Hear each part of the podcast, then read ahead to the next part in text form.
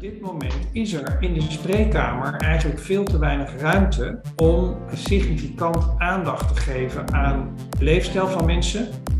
En al helemaal om mensen ertoe te brengen om hun leefstijl aan te passen en ze daarin te begeleiden. Live Me Podcast. Je levensstijl als medicijn voor een betere gezondheid.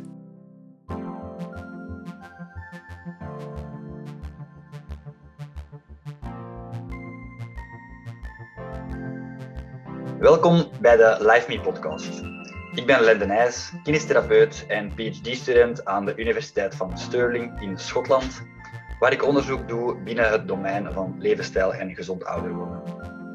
Samen met het Live Me-team zet ik me in om meer bewustzijn te creëren rondom de bewezen helende kracht van levensstijlgeneeskunde. Daarvoor zit ik elke aflevering samen met een expert in diens vakgebied om kennis op te doen over hoe we levensstijl net kunnen, effectief kunnen gebruiken als medicijn. Deze keer heb ik de, heer, de eer om hoogleraar diabetologie Hanno Peil van de Universiteit van Leiden te gast te hebben. We gaan het hebben over diabetesaanpak en insulineresistentie en hoe we die huidige wetenschappelijke evidentie ook effectief in ons gezondheidssysteem kunnen krijgen. Tot bij de dokters en de patiënten dus. Ik citeer: Levensstijlgeneeskunde is niet alternatief, maar een noodzakelijke toevoeging. Het moet geïntegreerd worden in ons traditioneel, maar ouderwets denken, op weg naar een nieuw gezondheidsmodel. Maak je dus alvast klaar voor een gesprek over de ongezuikerde waarheid over diabetes en de aanpak hiervan binnen een nieuw gezondheidsmodel tussen mezelf en professor Hanno Peil.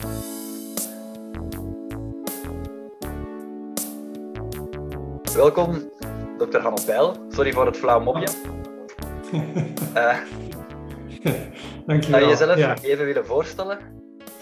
Ja, dat wil ik zeker. Uh, ik ben Hanno Peil. Ik uh, werk als internist en endocrinoloog in het Leids Universitair Medisch Centrum. En ehm, ik behandel veel mensen met diabetes. En al, eigenlijk al 15 jaar geleden begon het mij steeds meer tegen de borst te stuiten dat heel veel patiënten mijn spreekkamer binnenkomen en wel vier, vijf, zes, zeven verschillende medicijnen gebruiken uh, voor hun bloedglucose, voor hun bloeddruk, voor hun cholesterol, voor complicaties van hun ziekte. Uh, en um, ik begon me steeds meer te beseffen dat we weten eigenlijk, we wisten eigenlijk al lang dat uh, de manier, onze aller manier van leven belangrijk is voor het ontstaan van diabetes.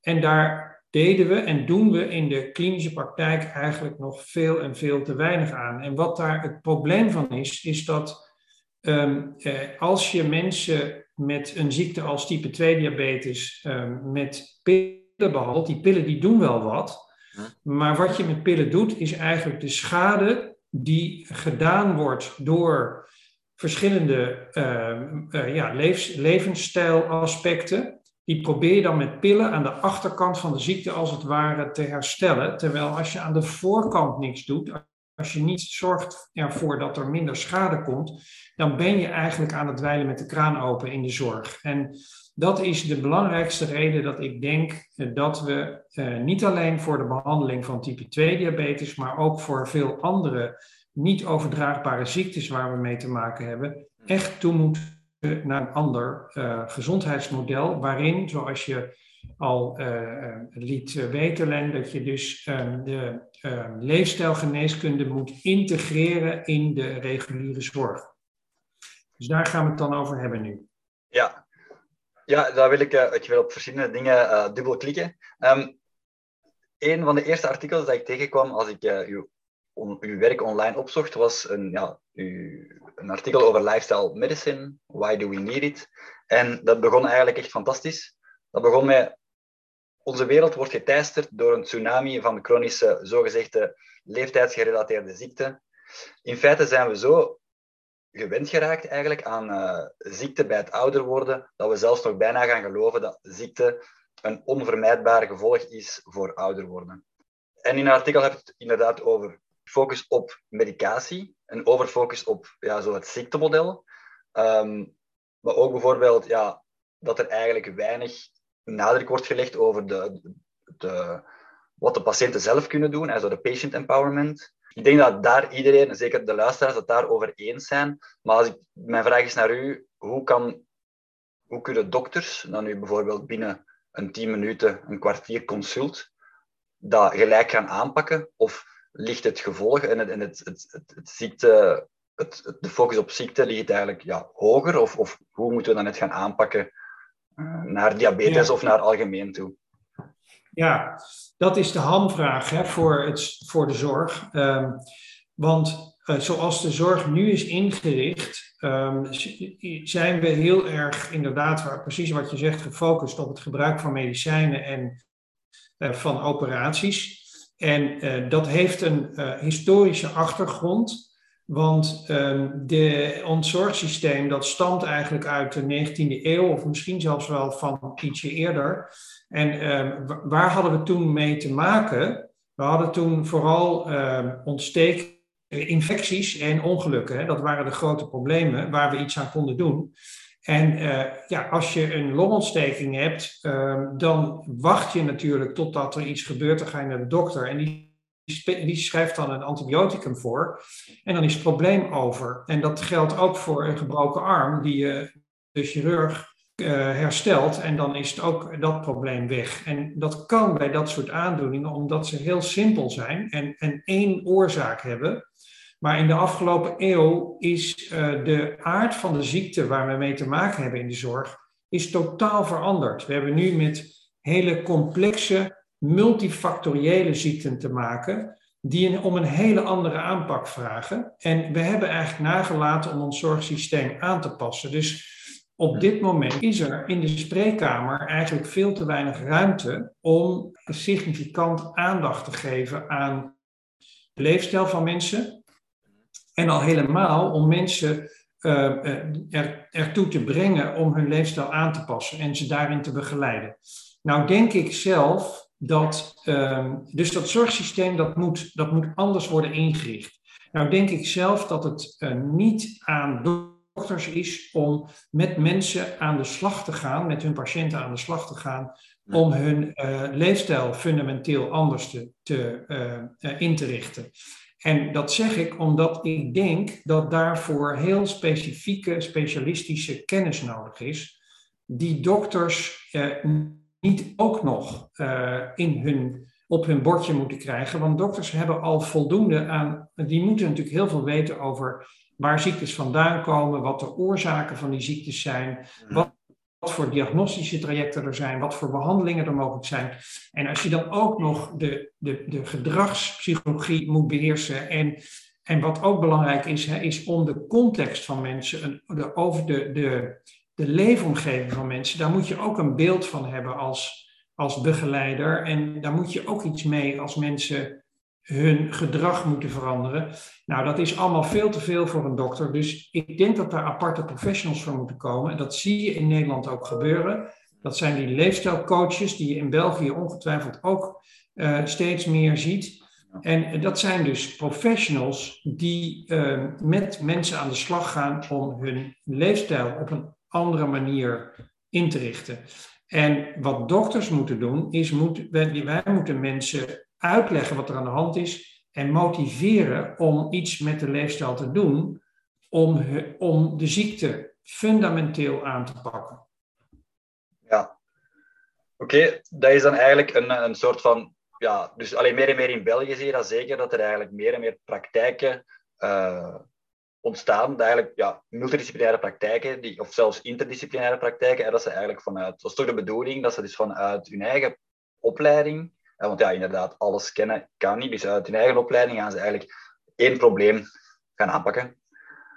Als we nu dan gaan dubbelklikken op diabetes, ja, we gaan niet helemaal ingaan en op alle moeilijke woorden en, en hoe dat net ontstaat, maar zo in het algemeen binnen uw, totaalplaatje, uw kennisplaatje, um, je hebt al gesproken over het onderliggend probleem, of zo, wat er op de voor- en op de achtergrond ligt. Ja, van waar komt dat het bloedsuikerprobleem net? Van waar komt insulineresistentie en, en hoe gaan we dat dan aanpakken? En als je dan spreekt over verschillende disciplines, is er dan enkel de diëtist? Is het enkel de kinestherapeut? Of, of, of hoe zie je het net dat we dat allemaal gaan aanpakken? Ja, Ja, kijk, een ziekte als, als type 2 diabetes is, is net, dus even onderscheid maken tussen type 1 en type 2. Hè? Dus uh, ik denk dat sommige mensen dat misschien niet weten, maar je hebt type 1 diabetes, is wat we vroeger jeugddiabetes noemen. Dat komt meer dan de helft van de gevallen komt, ontstaat dat voor het 25ste. Terwijl, um, en dat is dus een, een type waarbij je eigenlijk altijd met insuline moet behandelen. Dan hebben we type 2 diabetes, dat is het overgrote deel van de mensen heeft die vorm die vroeger ouderdomsdiabetes werd genoemd, omdat dat vaak boven de 40 jaar ontstond. Tegenwoordig zien we dat ook al bij veel jongere mensen, maar eh, toch nog steeds vooral bij mensen als ze wat ouder zijn. En dat is de vorm van diabetes die heel sterk uh, samenhangt met onze manier van leven. En um, ja, hoe, hoe ontstaat dat dan? Nou, er zijn, uh, dat begrijpen we steeds beter eigenlijk. Er zijn heel veel componenten van onze uh, leefstijl daar van belang. En ik zal, er, ik zal er in ieder geval zes noemen. in de eerste plaats, en dat is de allerbelangrijkste, is verkeerde voeding en te veel eten. We eten eigenlijk allemaal te veel. En um, toch is het zo hè, dat, uh, en dat geldt voor alle factoren die ik zo zal noemen, dat doen we eigenlijk allemaal verkeerd en toch krijgen we niet allemaal type 2 diabetes.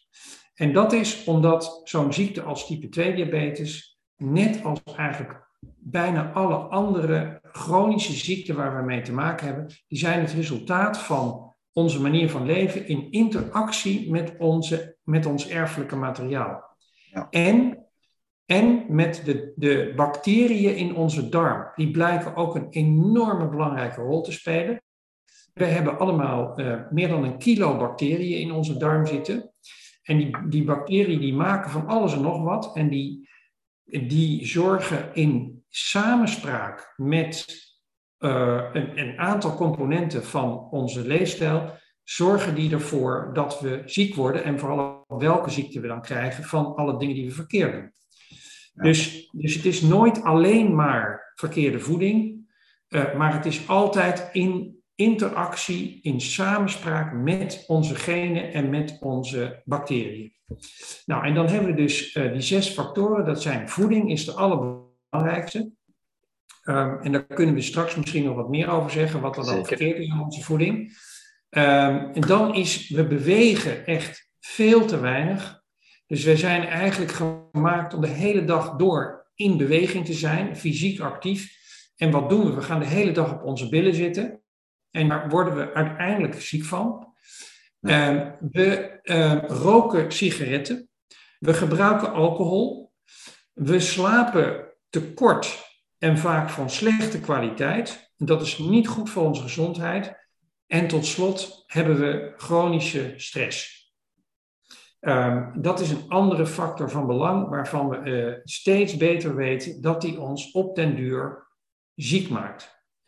En eigenlijk is het, uh, het, het, gekke dat al die factoren die ehm, zorgen ervoor dat er een soort van chronisch ontstekingsproces in je lijf ontstaat. Hm. En dat chronische ontstekingsproces, dat ligt ten grondslag aan, nou ja, heel veel van de chronische ziekten waar we, die we op oudere leeftijd krijgen. Want het heeft lang nodig, dat chronische ontstekingsproces, voordat je zoveel schade daarvan krijgt, dat je er ziek van wordt. Dat heeft jaren nodig, maar dat chronisch ontstekingsproces is er al heel jong, heel vroeg in ons leven. En, um, en welke ziekte we dan krijgen, ja, dat wordt dus voor een belangrijk deel bepaald door ons erfelijke materiaal en door de bacteriën die wij in de darm hebben. Dus willen we um, die ziektes, zoals type 2 diabetes, um, fundamenteel aanpakken, dan moeten we iets doen om dat chronische ontstekingsproces te uh, verminderen. Nou, en, en dat, dat kan eigenlijk alleen maar door uh, leefstijlaanpassing. Ja, weer al, ja, ik, wil, je steeds laten uitpraten. Langs de andere kant heb ik, wil ik zo graag op, uh, op dingen dubbel klikken. Maar um, ja, als we nu even gewoon gaan inpikken op de, de, voeding binnen wel, laten we zeggen diabetes, maar langs de andere kant ook op het, op het uh, inflammatieproces. Je hebt verschillende artikels ook al geschreven over fasting, dus daar wil ik het zeker met u over hebben. Ja, misschien kunnen we gewoon beginnen met waar iedereen meteen aan denkt, en dat is gelijk aan, aan suiker. Ja, ja dus, dus, dus waarom, wat doen we dan verkeerd met onze voeding? In, in de eerste plaats eh, zeg ik altijd tegen mijn patiënten: bewerkte voeding door de industrie gemaakte producten die als voeding moeten dienen, dat is eigenlijk het allerbelangrijkste probleem waar eh, veel ziektes door veroorzaakt worden als het om voeding gaat. dus, dus vermijd ehm, industrieel geproduceerde eh, voeding. En waarom zeg ik dat?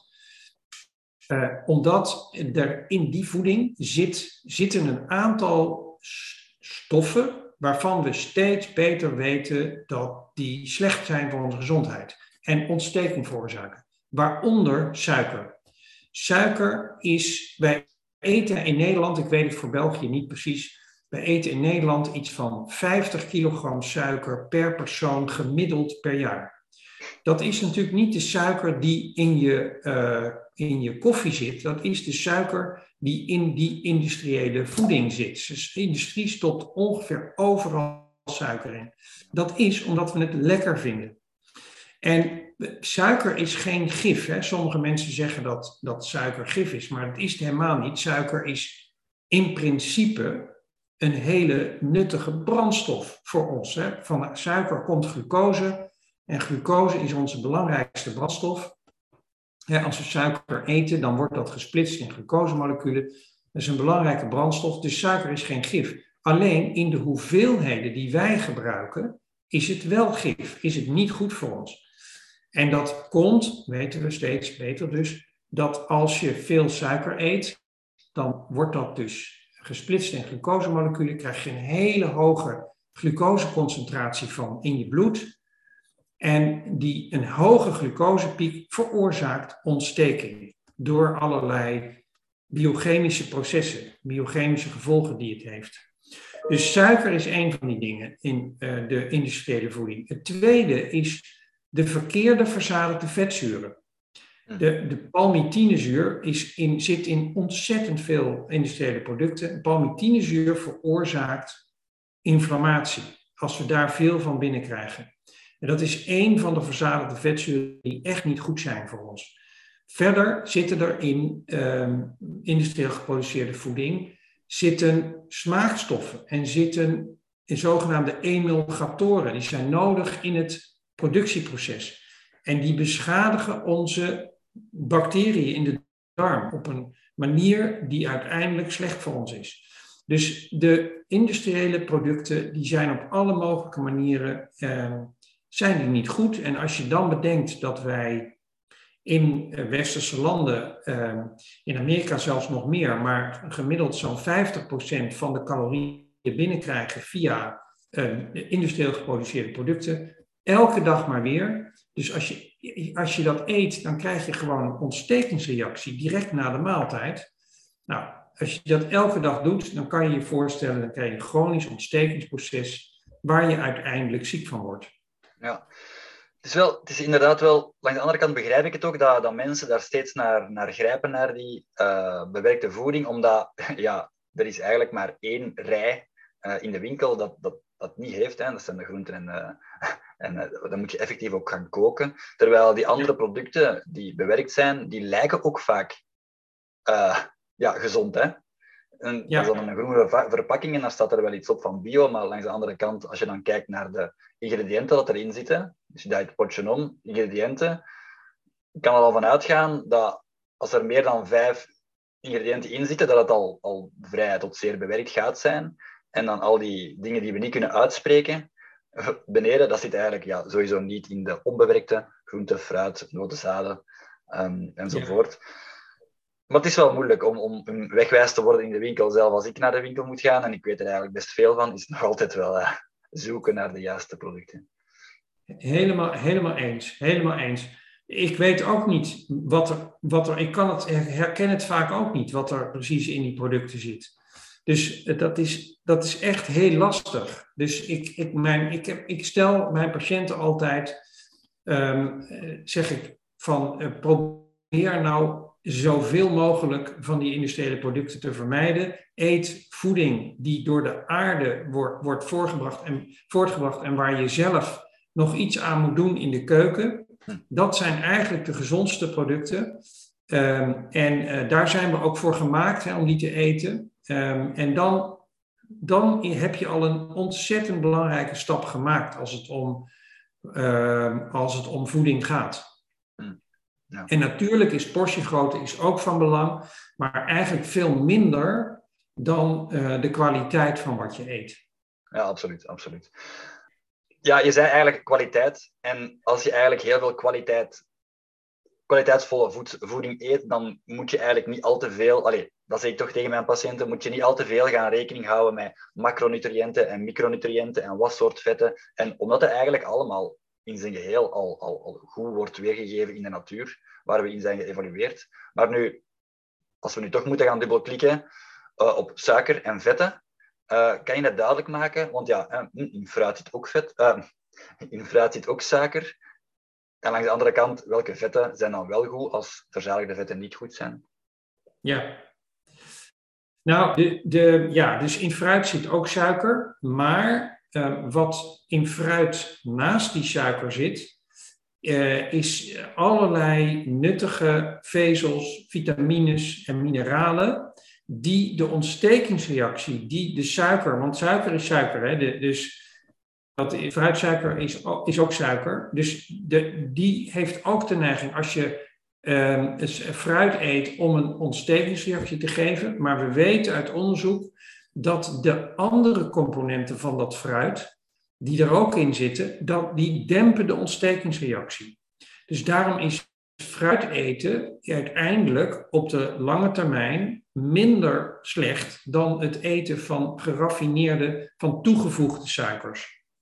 Want in die industriële producten, daar zitten die vezels niet in. En daar zitten die vitamines en die antioxidanten en die mineralen niet in, die belangrijk zijn om het ontstekingsproces um, een beetje te dempen. Dus, um, dus daarom is het eten van fruit veel minder uh, slecht dan um, het eten van die industriële producten. ondanks het feit dat er ook suiker in zit. Waarbij aangetekend dat je beter heel fruit kan eten dan fruitsap, dan, dan geperst fruit. Want daar missen toch een belangrijk deel van de andere componenten missen in dat sap. Er zitten minder vezels in en er zitten toch ook wat minder antioxidanten en, uh, en, en andere goede stoffen in. Ja. En bovendien eet je in een, of drink je in een glas fruitsap vaak drie of vier sinaasappels. En uh, dat is best veel. Dan krijg je best veel suiker binnen. Dus, ja. uh, hè, dus dat is een, een kanttekening. Um, en dan als het gaat om vet, dat is een hele interessante. Want uh, we hebben natuurlijk vanaf de 70 jaren van de vorige eeuw was de oekase uh, dierlijk vet is slecht voor ons. En um, daar weten we nu echt van de laatste tien jaar steeds duidelijker geworden dat dat een te kort door de bocht conclusie is geweest. Daar komen we echt van terug. Um, het dierlijk vet of verzadigd vet, uh, moet je eigenlijk zeggen, verzadigd vet is niet één stof. Dat in de eerste plaats. Verzadigd vet is een verzamelnaam voor een heleboel verzadigde vetzuren, verschillende verzadigde vetzuren. En onderzoek van de laatste jaren heeft laten zien dat lang niet al die verzadigde vetzuren slecht voor ons zijn. Sommige zijn dat zeker wel, onder andere dus palmitinezuur, dat in uh, die industriële producten wordt gestopt. Dat is een pro-inflammatoire vetzuur. Dat bindt gewoon aan bepaalde celstructuren in ons lichaam en dat activeert het immuunsysteem, dat geeft ontsteking. Maar andere vetzuren zijn juist ontsteking dempend van die verzadigde vetzuren. Dus het is in het algemeen stellen dat um, verzadigd vet slecht is, uh, dat, dat, is, dat klopt niet. Uh, ook al omdat je verzadigd vet nooit in alleen maar verzadigd vet eet. Dat eet je altijd in de context van bijvoorbeeld melkproducten. En um, een melkproduct zit verzadigd vet in, maar er, er zijn echt heel weinig aanwijzingen dat melkproducten slecht zijn voor hart- en bloedvaten. Sterker nog, de uh, gefermenteerde melkproducten, of je die nou mager neemt of, uh, of vol vet, die beschermen juist tegen uh, hart- en vaatziekten, lijkt het, in grote epidemiologische studies, en beschermen tegen type 2 diabetes. Dus um, het is gewoon een veel te kort door de bocht conclusie dat je dierlijk vet maar moet, moet laten liggen. Ik, ik adviseer mijn patiënten met diabetes die dus minder uh, industriële producten mogen eten hè, om hun ziekte beter te maken, adviseer ik vaak, nou neem nou de volvette melkproducten, maar dan vooral de gefermenteerde, dus yoghurt, uh, kaas en, uh, en kwark. en neem daar dan de volvette varianten van, want er is echt geen aanwijzing dat dat niet goed voor je is. Ja, ik heb inderdaad gezien dat in bepaalde studies dat je, dat je aanraadt dat je dus inderdaad die, die yoghurt, gefermenteerde yoghurt aanraadt. Weer even een kanttekening bijmaken dat, dat, dus, dat je dus moet kijken weer op het etiket dat het niet uh, het eerste ingrediënt dat dat niet suiker is, maar dat het effectief weer, weer al dat het een volwaardige voeding is van, van gefermenteerde melk. Um, ja, goed, dat is heel goed dat je dat zegt. Want er zijn natuurlijk ontzaglijk veel melkproducten waarvan alles en nog wat aan wordt toegevoegd. Dus daar moet je, dus gewoon, het is dus, uh, ja, dus kwark en yoghurt sec. Dus zonder allerlei uh, zoetstoffen en andere stoffen die er vaak bij worden gedaan.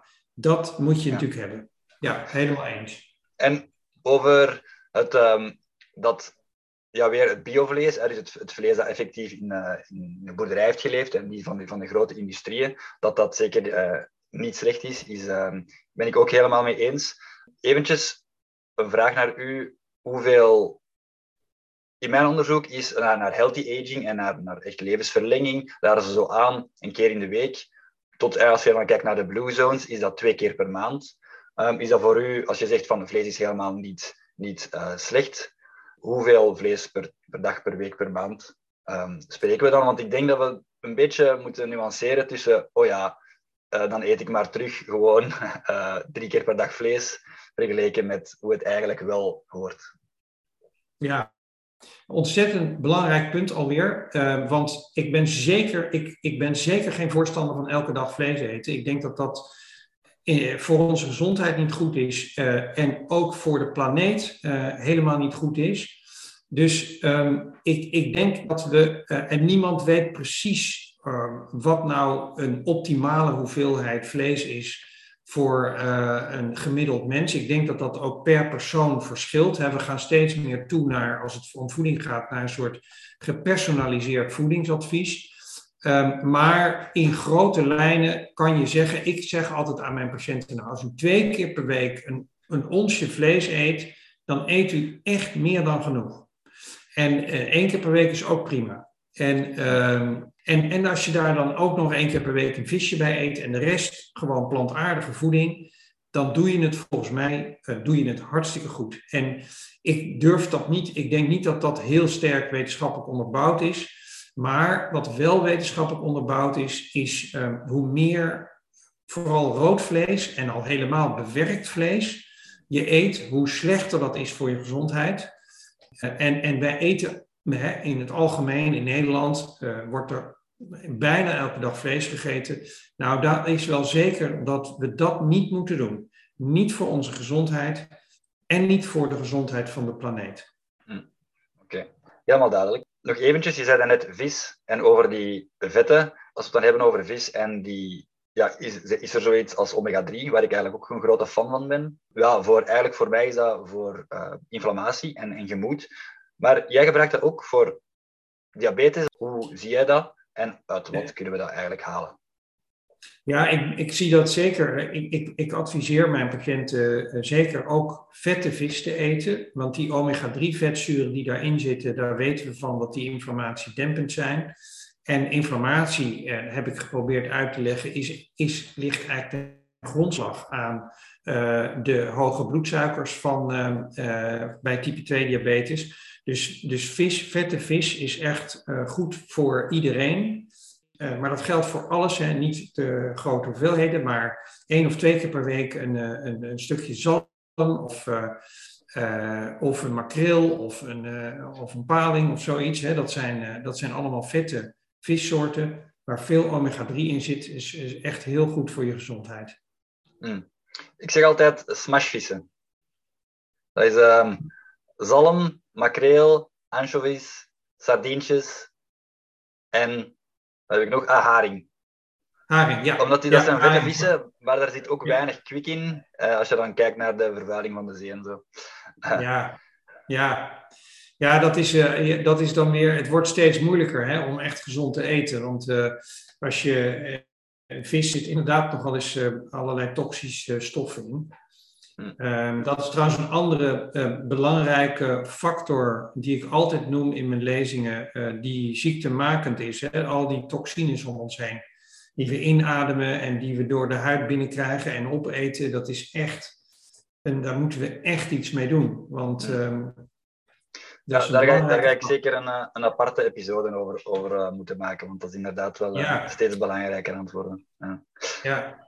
Um, als we nog even bij voeding blijven en we gaan het hebben over dieettypes. Um, we hebben het al gehad, eigenlijk dat volledig plantaardig kan zeker, omnivoor kan, kan zeker ook, um, als het maar goed, uh, ja, goed gevolgd wordt en onbewerkt is.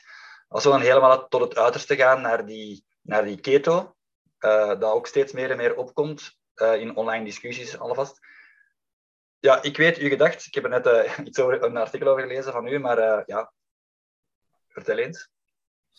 Ja, ik denk dat keto gedurende beperkte periodes ontzettend zinvol is. Bijvoorbeeld voor mensen met type 2 diabetes.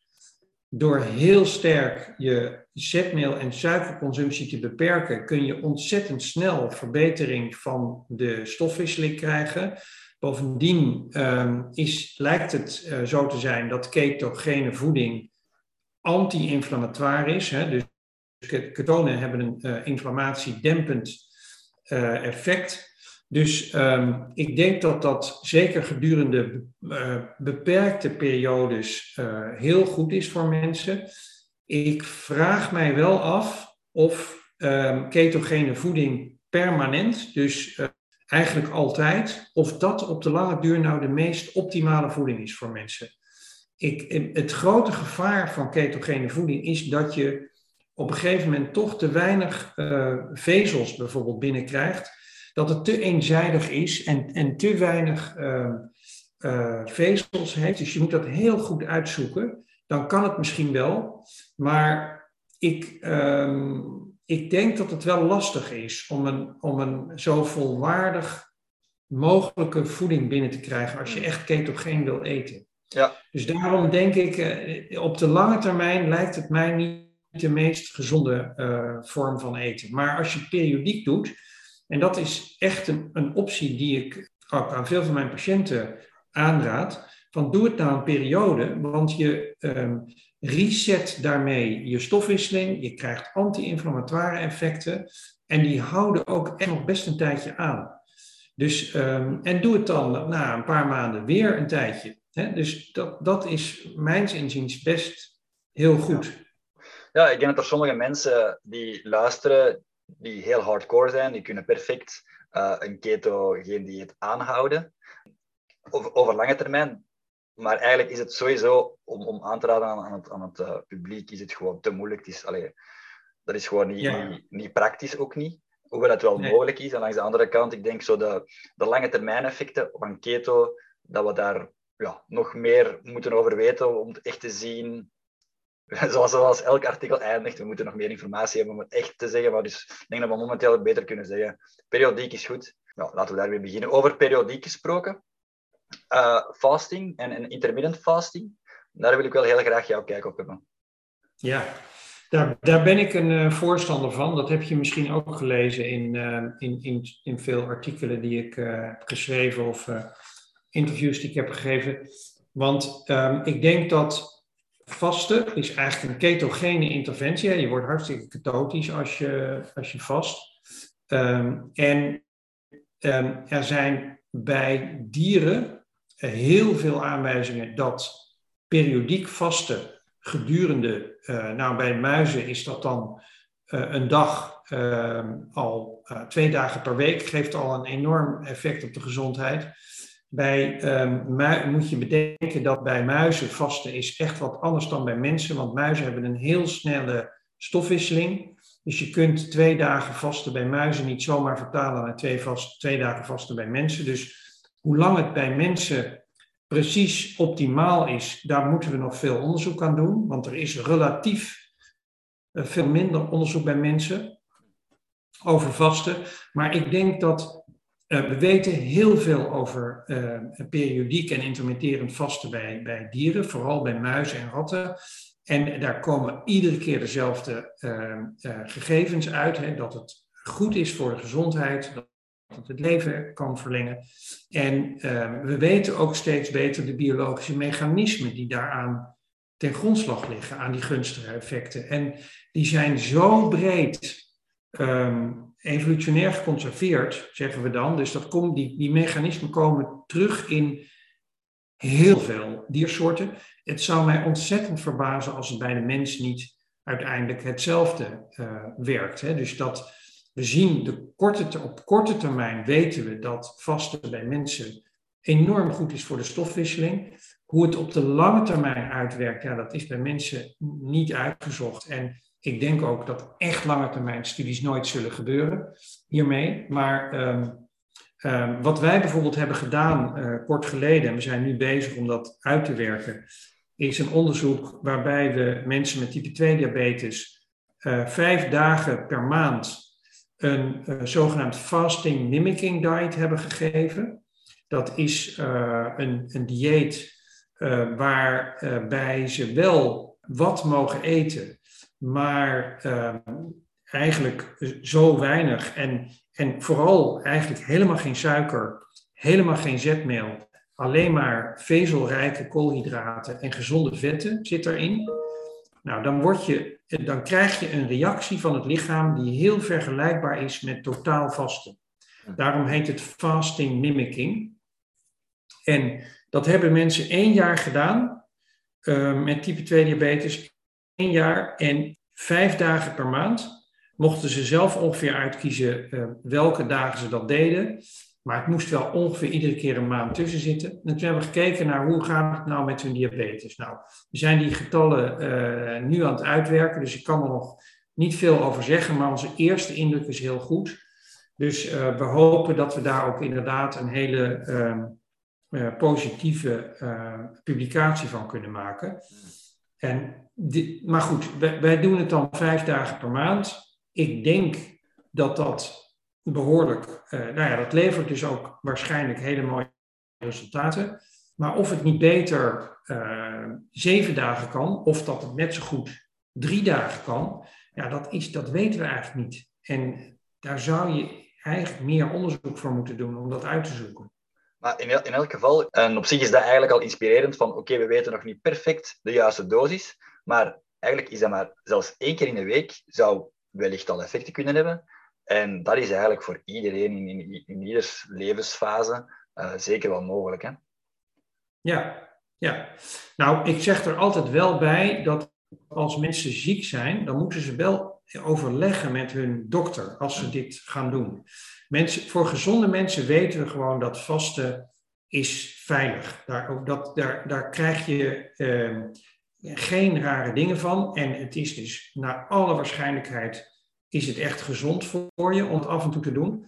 maar bij, uh, als mensen een chronische ziekte hebben, dan moet je altijd eventjes in je achterhoofd houden dat ze medicatie gebruiken. En uh, hoe dat dan met die medicatie moet, bij type 2 diabetes is dat natuurlijk al helemaal het geval. Die mensen moeten onmiddellijk eigenlijk minder medicijnen gebruiken, want anders krijgen ze een veel te lage bloedsuiker hiervan. Dus, um, dus dat, dat is echt iets wat even met de uh, arts en hulpverlener moet worden overlegd. Maar, uh, maar, maar gezonde mensen, die kunnen het echt uh, veilig doen. Ja. ja.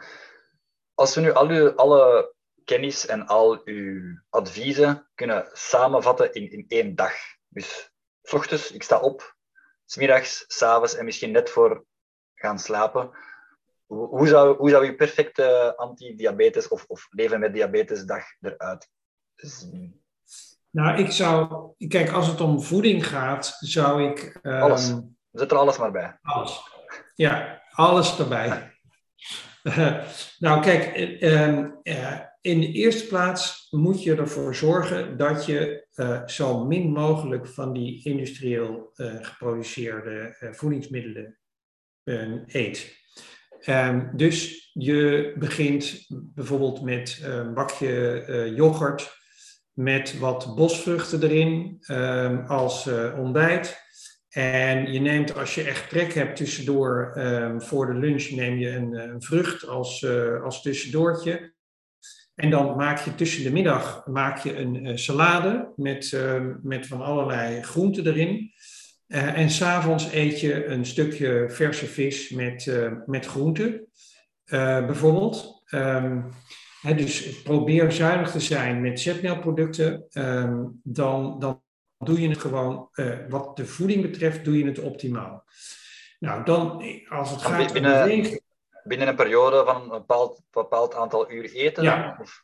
ja je, zou, je zou ook nog, want je, je duidt nu in de richting van uh, uh, time restricted eating, noemen we dat. Je zou je ook nog kunnen overwegen, en dat is eigenlijk, zou het optimaal zijn om dan ochtends uh, uh, nou, wat ruimer te ontbijten, desnoods met een salade erbij. Hè, en dus met yoghurt en een salade. En dan tussen de middag uh, die, die, je, je warme maaltijd te nemen. Dus nu heb ik het over optimaal. Hè? En dan s'avonds eigenlijk minimaal of niks. Dus dat je je, je eten ehm, binnen pakweg acht uur op een dag allemaal uh, gebruikt. En de rest van de dag, dus 16 uur, niks meer eet. Hm. Alleen maar water, um, uh, thee of koffie drinkt zonder suiker. En uh, dat noem je time restricted eating in de Engelse literatuur. En daarvan weten we ook dat het gezond is. Um, waarbij aangetekend dus dat het waarschijnlijk het beste is om ochtends en smiddags dan te eten en s'avonds over te slaan. Daar, maar dat is cultureel natuurlijk ongelooflijk lastig. Dan moet je echt je hele. Dus, dus je kunt ook um, uh, ervoor kiezen om je ontbijt over te slaan en dan uh, bijvoorbeeld om 11 uur of om 12 uur je eerste maaltijd te nemen uh, en na, s'avonds na achter niks meer. Dat is wat veel mensen wel veel beter kunnen volhouden. En ook daar zijn gunstige effecten van beschreven. Hmm. dus um, dus dat is inderdaad ook nog als het om voeding gaat. Dan hebben we beweging. Dat is, eh, zorg ervoor, zeg ik vaak aan mijn patiënten, dat je door de dag heen beweging in je patroon, in je leefpatroon inbouwt.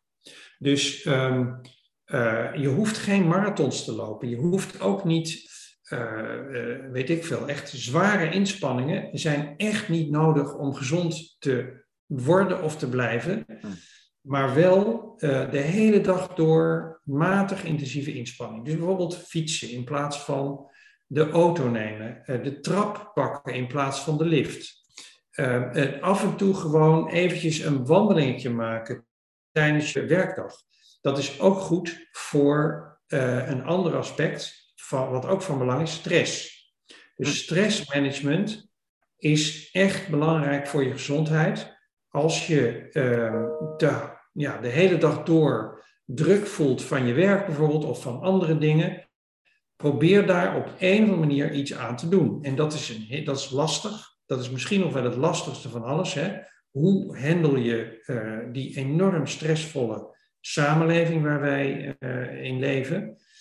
Um, uh, maar is, iedereen doet dat op zijn eigen manier. Wandelen in de natuur vooral is een bekende stressverlagende interventie. Maar je kunt ook yoga doen, je kunt uh, mediteren.